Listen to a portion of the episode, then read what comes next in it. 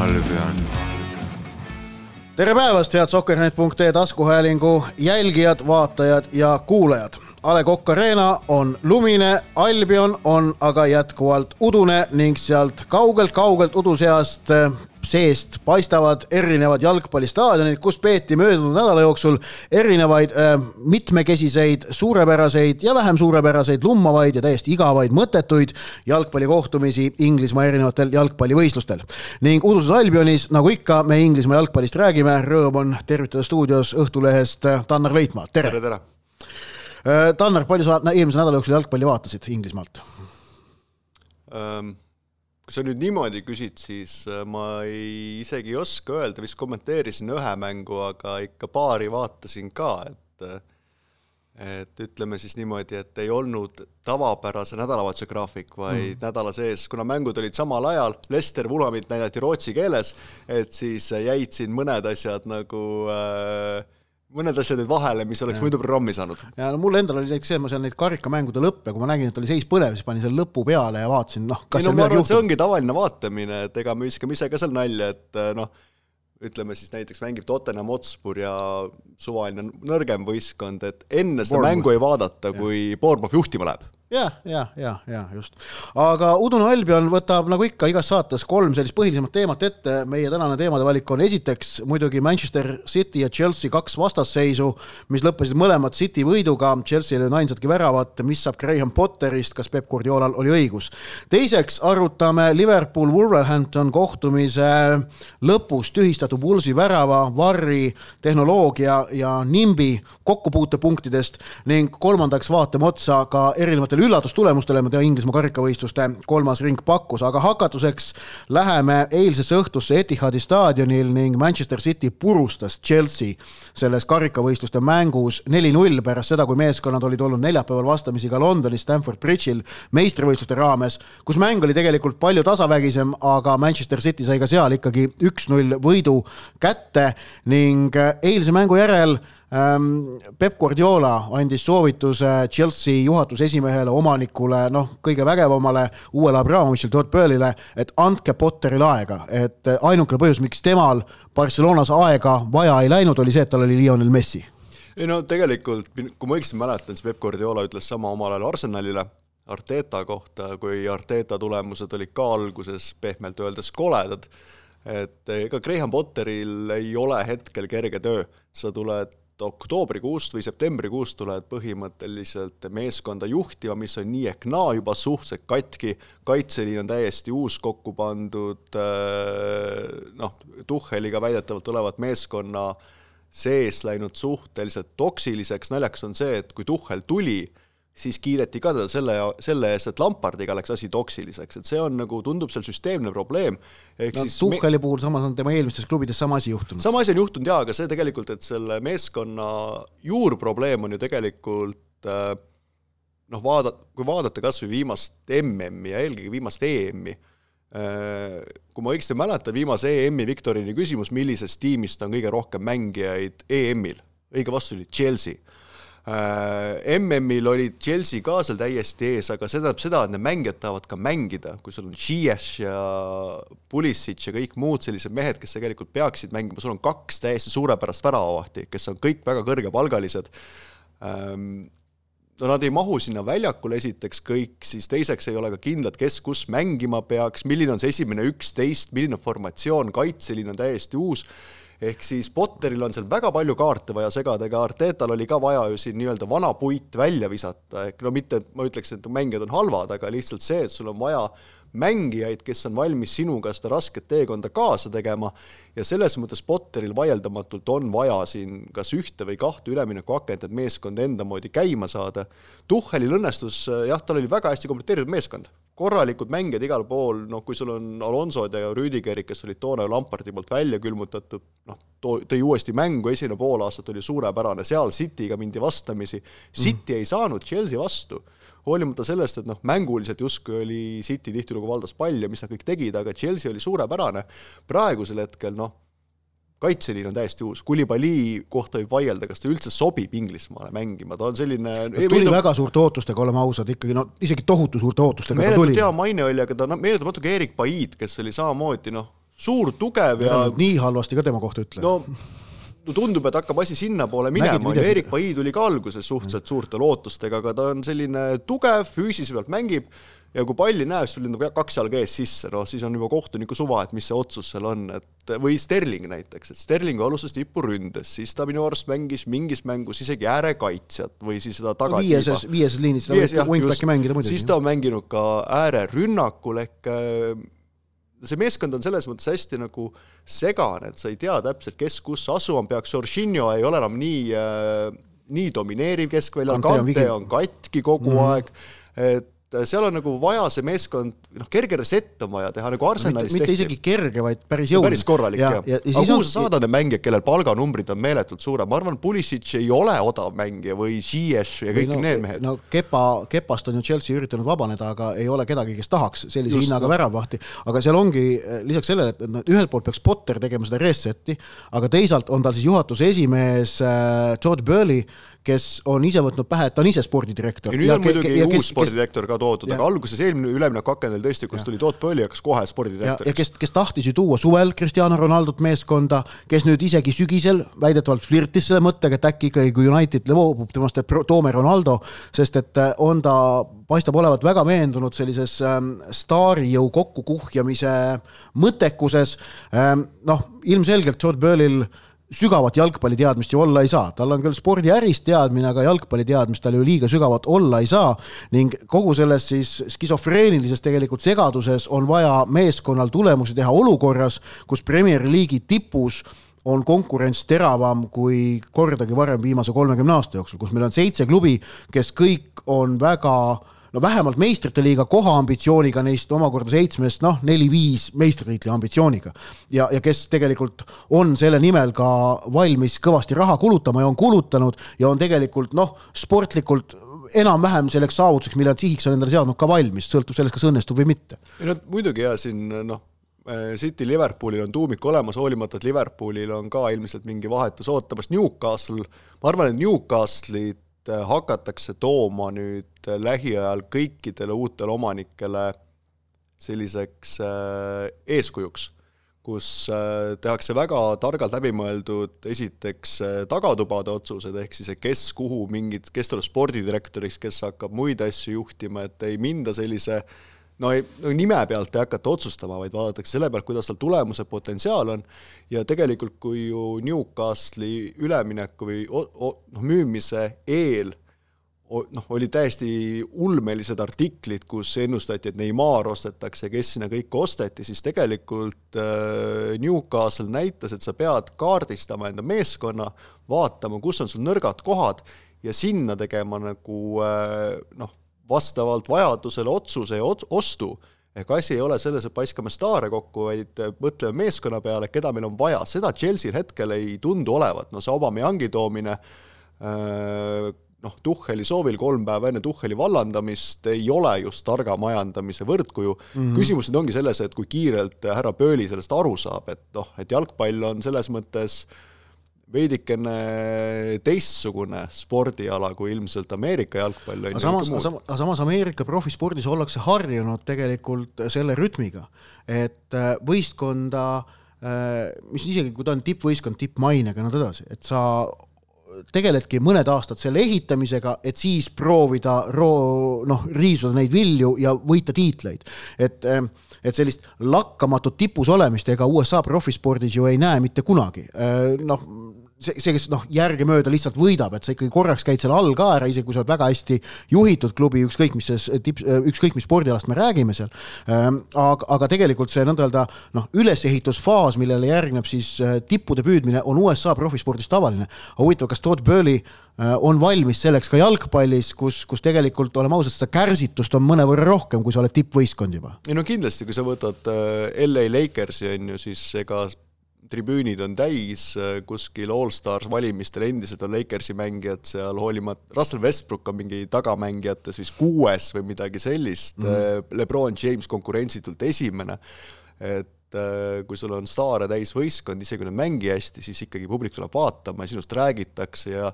järgmise kümne aasta lõikes ka kindlasti Lakers on meeskond, kes saab alati need mängijad, keda ta tahab mingil hetkel, aga kor-, jalgpallis on jah see noh, karika soov või võidusoov on fännidel hoopis teistsugune, et sa ei saa siin teha nagu sellist asja, et et noh, ühe aasta nagu no okei okay,, vaatame, mingi vinge vend tuleb kuskilt Prantsusmaa liigast, et üritame äkki drafti esimest valikut saada, meil on siin üks staar on vigastatud, et küll mhm. järgmine aasta kütame, et seda, seda nagu puhvertsooni ei ole, no eks sellepärast ka seda superliigat mingil määral nagu push iti et oleks kindlustatud sissetulek, et ei oleks probleemi sellega, et kui me teeme mingi hetk nagu nii-öelda noh, teemegi suure reset'i, nagu Arsenal tegi, et meil ei oleks probleemi sellega, et, et noh, meistrite liiga raha kaob ära, et sissetulekud kaovad ja siis on kõik halvasti, et seda puhvrit on vähem ja eks Böölil ongi selles mõttes nüüd noh, kui paljud on nõus endale seda lööki sisse võtma rahaliselt, sest paistab, et meistrite liigaga no kui mingi ime on, juhtub äh, play-off ides ja kõikides muudes asjades, siis äkki midagi õnnestub, aga noh, liiga kaudu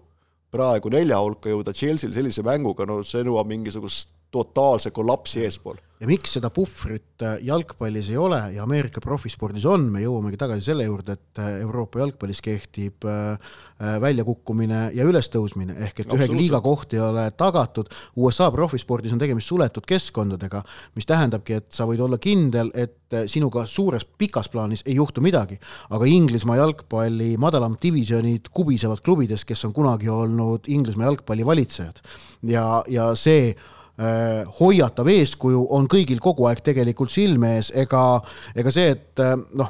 võtame, võtame näiteks, no, no, no ka Everton on mõnes mõttes hea näide, Everton, kui ma ei eksi, on kas kaheksakordne Inglismaa meister või midagi sellist. ja nad on praegu Premier League'ist väljakukkumise ohus, nad on vaieldamatult ajalooliselt tohutult suur klubi, aga nad on Premier League'is teist hooaega järjest väga selges väljakukkumise ohus. ega ma kuskilt äh, nägin pealkirja, et Everton ongi kõige halvemini majandatud suur klubi üldse Euroopas et noh aga muidugi Chelsea puhul peab mainima ka, et neil oli üleminekute piirang, nii et tundub, et et äkki on samamoodi nagu Venemaaga, et sanktsioonid kohe tööle ei hakka, aga siis, kui tööle hakkavad, siis on ikka suht halvasti, sest no tegelikult ju nad pidid terve kaitseliini äh, ümber vahetama, Kristensen läks ära, Rüüdiger läks ära, Alonso läks ära, et selles, ja nüüd on veel juurde Chilwell, alles pooleli Jamesi vigastused ka muidugi Just... mõjutavad väga tugevalt, sest sul on noh, Kukureia ei ole nii hästi mänginud, kui eeldati, et Äh, no seal oli, no hooaja alguses ma mäletan, ma ütlesin ka mingis saates, et tegelikult banaanikoori on Chelsea jaoks, oli Chelsea jaoks väga palju ja ikkagi mõnel on nad pihta saanud siin äh, ja libastunud päris korralikult, sest äh, no City mängud City mängud, eks City mängu, noh, City vastu võivad heal päeval või halval päeval kaotada kõik neli-null, aga need äh, teisedki mängud, mis siin olnud on, noh, kas või Potteri kojumineku mäng Brightoni vastu, no see oli kaos, mis seal toimus esimesel poolajal. see, mhm. kuidas Trossard ja siis Estupinian seal ääre pealt lihtsalt jooksid nii, nagu ise tahtsid, äh, no muidugi Kepa tegi ka seal mingisuguseid omitegusid, mis nagu ikka no, no tihtilugu ta ei tee enam, on ju, aga seal, seal sattus, sai viga veel, Diego Silva oli ootamatult ebakindel ja kõik muud asjad, noh, see on selline jalgpall nagu no on selline emotsioonimäng, et kui sul hakkab juba nagu pekki minema, et ega siis nagu seda pidurit peale panna on ääretult raske, praegu tundub, et nagu see hooaeg läheb neil päris karmilt no aga meenutame, kuidas läks äh, Chelsea'l hooaeg pärast seda, kui nad äh, kaks tuhat viisteist meistriks tulid, nad jäid ju ka kas vist kümnendaks, üheksandaks lõpuks seal kokkuvõttes olid seal noh, lasti, lasti ju peatreener äh, lahti, see oli see hooaeg, kui Leicester meistriks tuli. ja see ainus hea asi oli seal see, kui nad suutsid siis Tottenham Hotspuri, Hotspuriga viiki saada null kohas Eden Hazardist, et siis see, tegid, see oli tegid Leicesterist meistri. see oli noh, selles mõttes Chelsea'le jääb see ikkagi hooaja lõpus meelde, et nemad tegid meistri, et see nagu aga ei, reaalselt nagu jaa, muidugi Cityl on äh, stabiilsus olemas, Arsenal on noored mängijad käima saanud, Newcastle on väga kiirelt äh, tipule lähedale jõudnud. Äh, United, United Den Haagi, Den Haagi all liigub päris hästi. suurepärane, ma arvan, et hooaja lõpus erinevates karikasarjades on Manchester United juba väga noh, kas tiitlipretendent ei oska öelda, aga kindlasti neil on, no neil on juba praegu siin tuleb liigakarika mängus äh, Charlton vastu ja nii edasi mm, -hmm. et mhm. ega nad äh, panevad praegu päris hästi, ehk siis see konkurents tõesti, nagu sa ütlesid, on hästi tihe ja tegelikult, mis sel aastal ja tegelikult viimastel aastatel on üha süvenenud, et selliseid ülinõrku ja ülikehvasti komplekteeritud meeskondi tegelikult väga ei ole, noh Bournemouth on äh, suhteliselt championshipi nägu, Nottingham Forest on ka ennast käima saanud ja see, kui palju mängijaid tõid ja mis mängijaid neid tõid, on nagu korralik näitaja, Aston Villa on korralik. no Southampton on väga õnnetu. no Southampton on jah, nemad, nende taktika, võtame noored mängijad tippklubidest ja loodavad mängima hakkab, on keeruline, aga noh, Leeds United ootab ka üle ostu, müügitehingut, aga samas toovad ka Saksamaalt mängijaid juurde mm, -hmm. et ega nagu seda no mõnel meeskonnal jah, Evertonil on ründaja puudu ja sama Leedsil on ründaja puudu, aga tegelikult see tabeli lõpuosa kvaliteet on piisavalt hea, ehk kui sul noh, rattad ei jookse korralikult, see on ikka, vajutavad sulle ära, kui sa nagu sinna natuke koputama jääd. ja, ja räägime ka nüüd ühest äh, tabeli lõpuosa võistkonnast, kelle, kelles, äh, kes oli lähedal väga suurele saavutusele, Julen Lopetegui Wolverhampton Wanderersi peatreenerina on alustanud päris hästi, sellepärast et ka meistrivõistlustel kolmest mängust on neil kirjas äh, praeguseks ju võit Evertoni üle kaks-üks, siis saadi Man Unitedi käest null-üks kaotus, kuigi noh, mäng ise ja esitus oli täitsa korralik, et see oli suht võrdne mäng ikkagi. see on vist juba viimasel tavaline, Manchester United vastu Wolverhampton mängib kenasti, löövad poste latte, aga lõpuks ikkagi ja. Manchester võidab. viimati Villaga üks-üks ja nüüd siis eh, karikas Liverpooliga kaks-kaks eh,, kusjuures noh, sellest, et see mäng lõppes kaks-kaks, räägitakse tegelikult praegu Inglismaal vähe, et räägitakse väga palju sellest, mis juhtus kohtumise kaheksakümne teisel minutil, kui abikohtunik fikseeris eh, Wolverhamptonile suluseisu, sealt tuli küll värav ehm, eh, ja, ja eh, VAR kontrollis, nagu ta kõiki väravaid ja sulusid olukordi kontrollib, ei leidnud põhjust abikohtuniku otsust tühistada äh, tühistatud värav jäi, tühistamisotsus jäi kehtima, mäng läks edasi. aga siis ilmnes mängu järel, et Varri käsutuses ei olnud ülevälja kaamerat. Ja, ja kuna selles uluseisu olukorras oli siis ähm, äh, Toti Gomes oli tulnud nurgalippu juurest, ehk et see nurk oli põhimõtteliselt Mateus Nunes oli see, kes aa ah,, sorry, Toti Gomes lõi värava jah, ja Nunes oli tulnud, kes, kellele siis suluseis võeti, oli tulnud nurgalippu juurest, ehk et see oli nõnda-öelda Varri jaoks pimedas kohas osutunud selles olukorras. Äh, et ei olnud Varri käsutuses kaadrit, kus ta näeks sööduhetke ja, ja, ja nurgalipu juures olevat mängijat sama hetkel. Ja siis no muidugi suur skandaal on sellele järgnenud või noh, kuidas on võimalik, et, et noh, see on tõestus, et Varr ei tööta ja kõik kõik on jama. mina teatavasti olen noh, kõik vast vaatajad-kuulajad juba lugenud, kuulnud, ma olen suur Varri toetaja ja apologeete.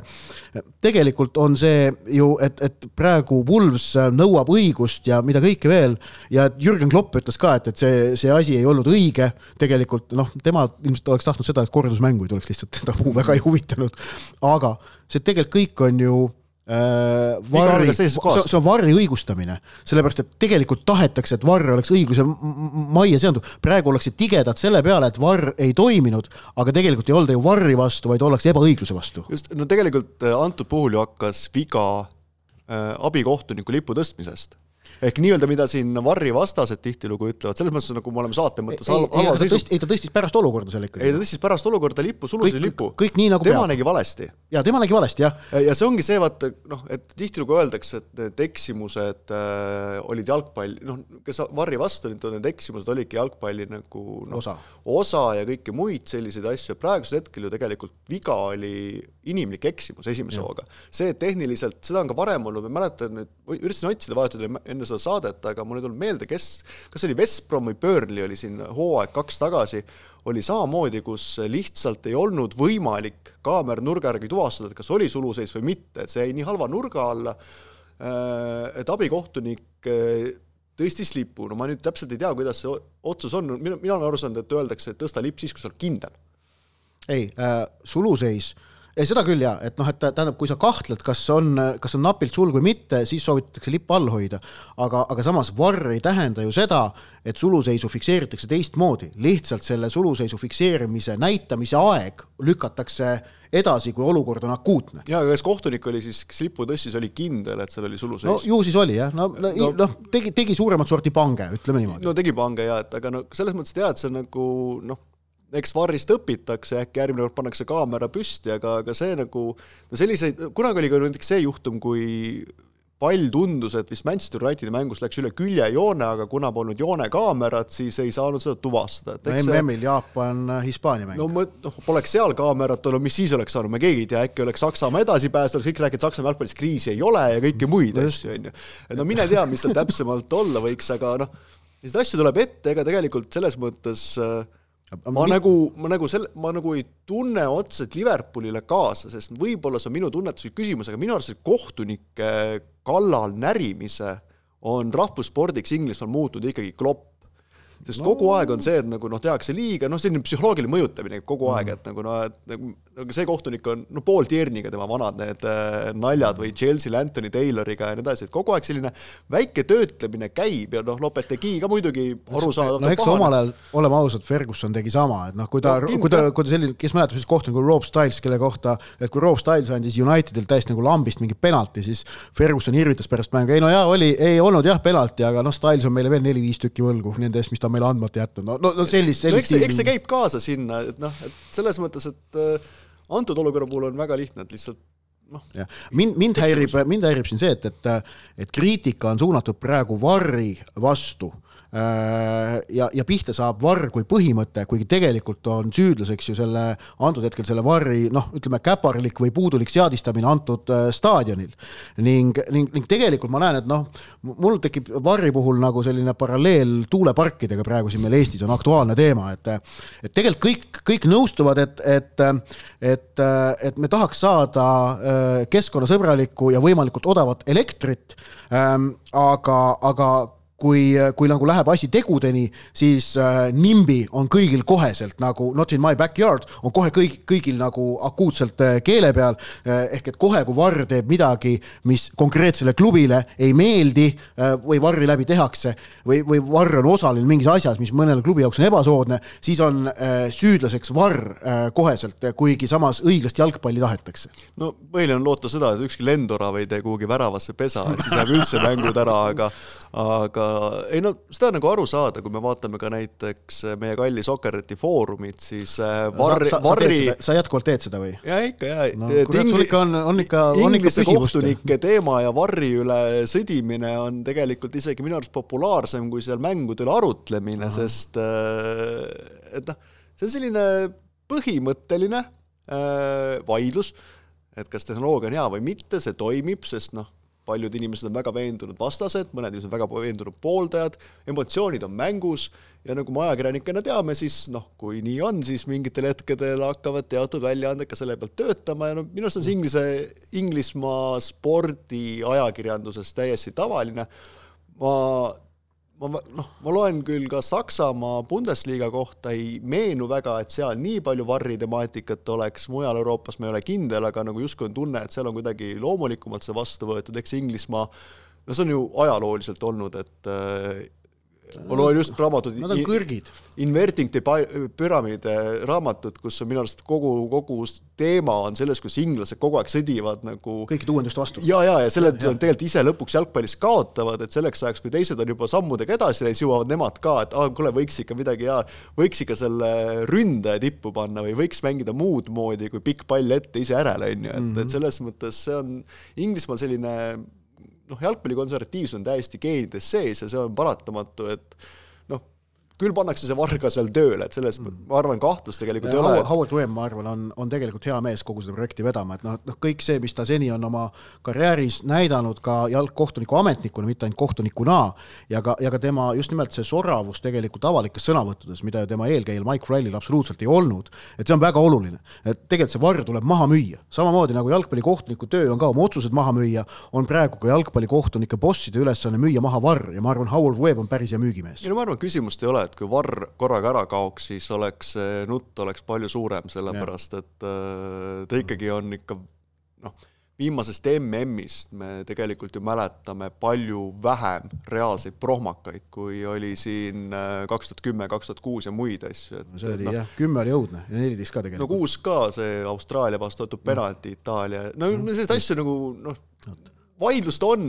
emotsiooni on, kõike on, aga nagu suures plaanis ma ikkagi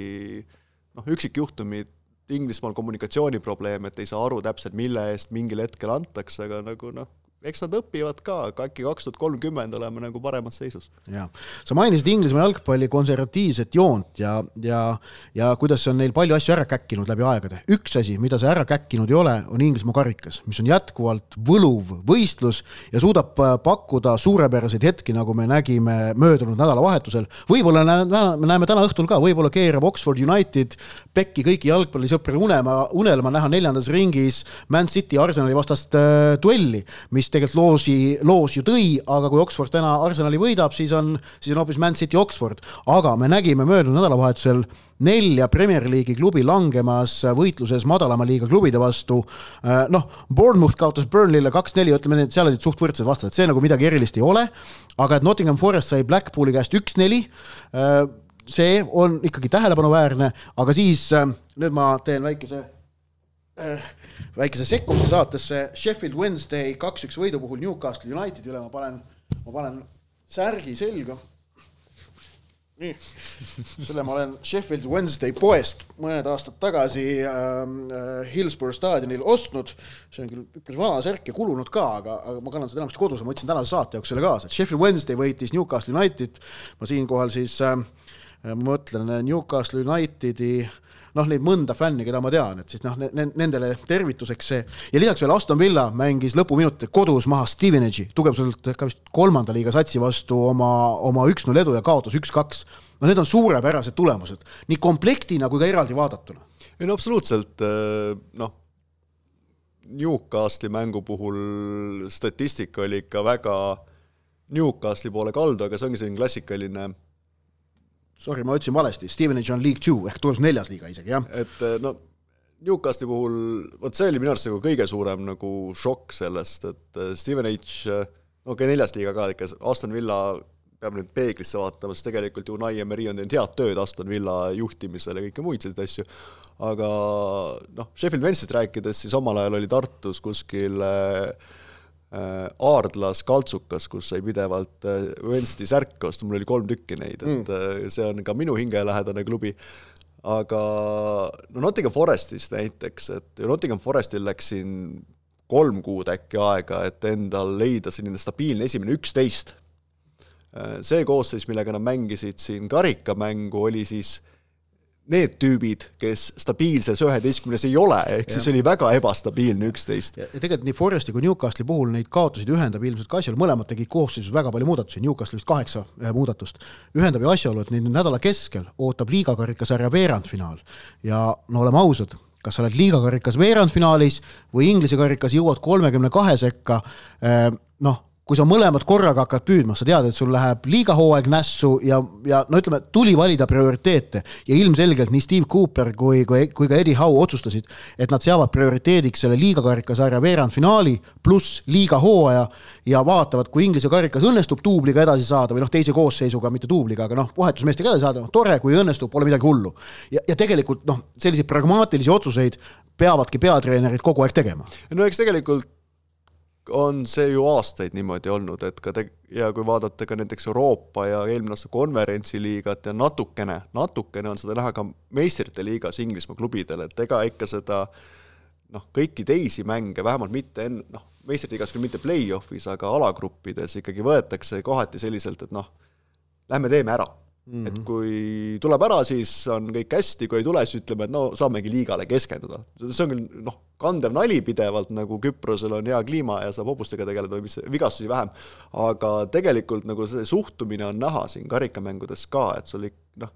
et eh, umbes poolfinaalist äkki hakatakse nagu täie laksuga andma, et, et sinnamaani üritatakse kuidagi niimoodi, et noh, võt-, paneme need mängijad, kes väga mängida ei saa, on ju, väravaht, kes ka väga mängida ei saa ja siis loodame, et mm. äkki õnnestub, et noh, kui ei õnnestu, no siis pole ka hullu. aga samas me näeme, et noh, tipp, mida, mida noh, tippklubide puhul me näeme samas ikkagi üha enam ka seda, et ähm, kuidas öelda ähm,, tehakse täiesti nagu noh, mitte teaduslikult, aga lähenetakse süstemaatiliselt sellele rotatsioonile, et, et, et proovitaksegi erinevates kar-, karikasarjades ka neid tippe püüda. Liverpool eelmine hooaeg väga hea näide, võitsid kaks kodumaist karikat, olid meistrite liigas finaalis ja meistrivõistlustel ka äh, lõppmängus äh, viimase vooruni sees tiitlivõitluses. ehk et tegelikult see mitmel rindel edukas olemine on võimalik, aga selle komplekti kokkusaamine on keeruline. ja need, kes näevad, et neil seda võimalust komplekti kokku saada ei ole, need otsustavad mõnest asjast loobuda. ei no tagajärg oli muidugi noh, Liverpooli tagajärg on selles mõttes natukene näha, et nad on ju siin vist viis aastat järjest pannud hooaja lõppudeni välja täiesti hullumeelses tempos, et mingil hetkel sul mängijad kuluvad ära sinna mm. -hmm, et eks Liverpoolil on noh, praegu näha, et siin on mängijad pikalt vigastatud, Diased ja Shotad ja kõik muud tegelased, Van Dijk on ka nüüd katki ja pluss veel see, noh, paljud mängijad kukuvad väga järsku ära selle tempo pealt. et noh, no ma, ma toon alati näiteks, et kui Marc-Vivien Foe kakskümmend aastat tagasi suri, siis juba öeldi, et jalgpallurite koormus, mängude koormus on nagu üle mõistuse suur. aga nüüd läheb see järjest-järjest suuremaks ja arusaadavalt sul tippmeeskonnad peavad mingil hetkel Inglise karikas on väga romantiline karikas, pika ajalooga, aga no sa, ma arvan, et kui sa oled ikkagi meistritiitli pärast võitlev treener, siis sa mingil hetkel ikka saad aru, et noh, prioriteet on kuskil mujal. Jah, aga, aga noh, kas see mängijate koormuse osas tegelikult on küsimus selles, et, et noh, kõikidel klubidel on ju palgal noh, ligi kolmkümmend profimängijat. et see koormuse mittejaotamine on ikkagi klubide enda valik, tegelikult neil võimalus seda teha konkurents, on. konkurents on niivõrd tihe, siis noh, ega me nägime siin äh, Manchester City poolelt ka, et äh, kui Peep Guardiola otsustas, et tema ei taha vahetusi teha, siis laksiti lõpuni välja põhi üheteistkümnega, et et noh, et noh, see on nagu sa, sa saad teha küll jah, rotatsiooni ja sul on kolmkümmend mängijat või kakskümmend viis liigas ja mis seal iganes kõik täpsemalt on, aga aga kui sul ikkagi on, noh, konkurents tõesti on nagu niivõrd tihe, et kui sa eelmine aasta ka ühe punktiga lõpuks kaotati tiitel, et, et ega sa no ega, ega sul ei ole tegelikult seda vangerdamisruumi seal nii palju ka, et kui ikkagi kuskil juba nagu noh, ootamatul koha, ootamatus kohas kaotad kodus Crystal Palace'ile, siis pärast seda tagasi võtta kuskilt mm -hmm. on selle võrra keerulisem, et et jah, noh, Inglismaal on ju see kaks karikat ka veel peale kõige, et liigakarikas ka veel juurde, et no seda on ju mäng, noh, koosseisus näha, et ikka tegelikult ikka mingil hetkel vaadatakse peeglisse, et nagu no meie eesmärk sel hooajal on jääda liigasse püsima, nagu see tabeli lõpuosa meeskonnad ja kui see karikas läheb kaotamiseni esimeses ringis, siis no vähemalt ei tule kordusmängu, nagu Jürgen Kloppil tuleb. aga Kloppil on just nimelt see häda. vot, sellised olid äh, Inglismaa jalgpallijutud Uduse Albioni osas number kuusteist, äh, mis oli esimene Uduse Albioni osa, mille käigus äh, üks saatejuht vahetas riideid mida toob meile uus nädal nii Inglismaal kui Uduses Albionis, selgub nädala pärast, aitäh, Tannar, et tulid ja, mõtteid jagama. lugejad, pange siis või vaatajad, pange siis kirja ka, et kas te järgmises saates tahate, et saatejuht võtaks riided vähemaks või paneks juurde nagu seekord. just, vot, aga täname kuulamast-vaatamast ning kohtume nädala pärast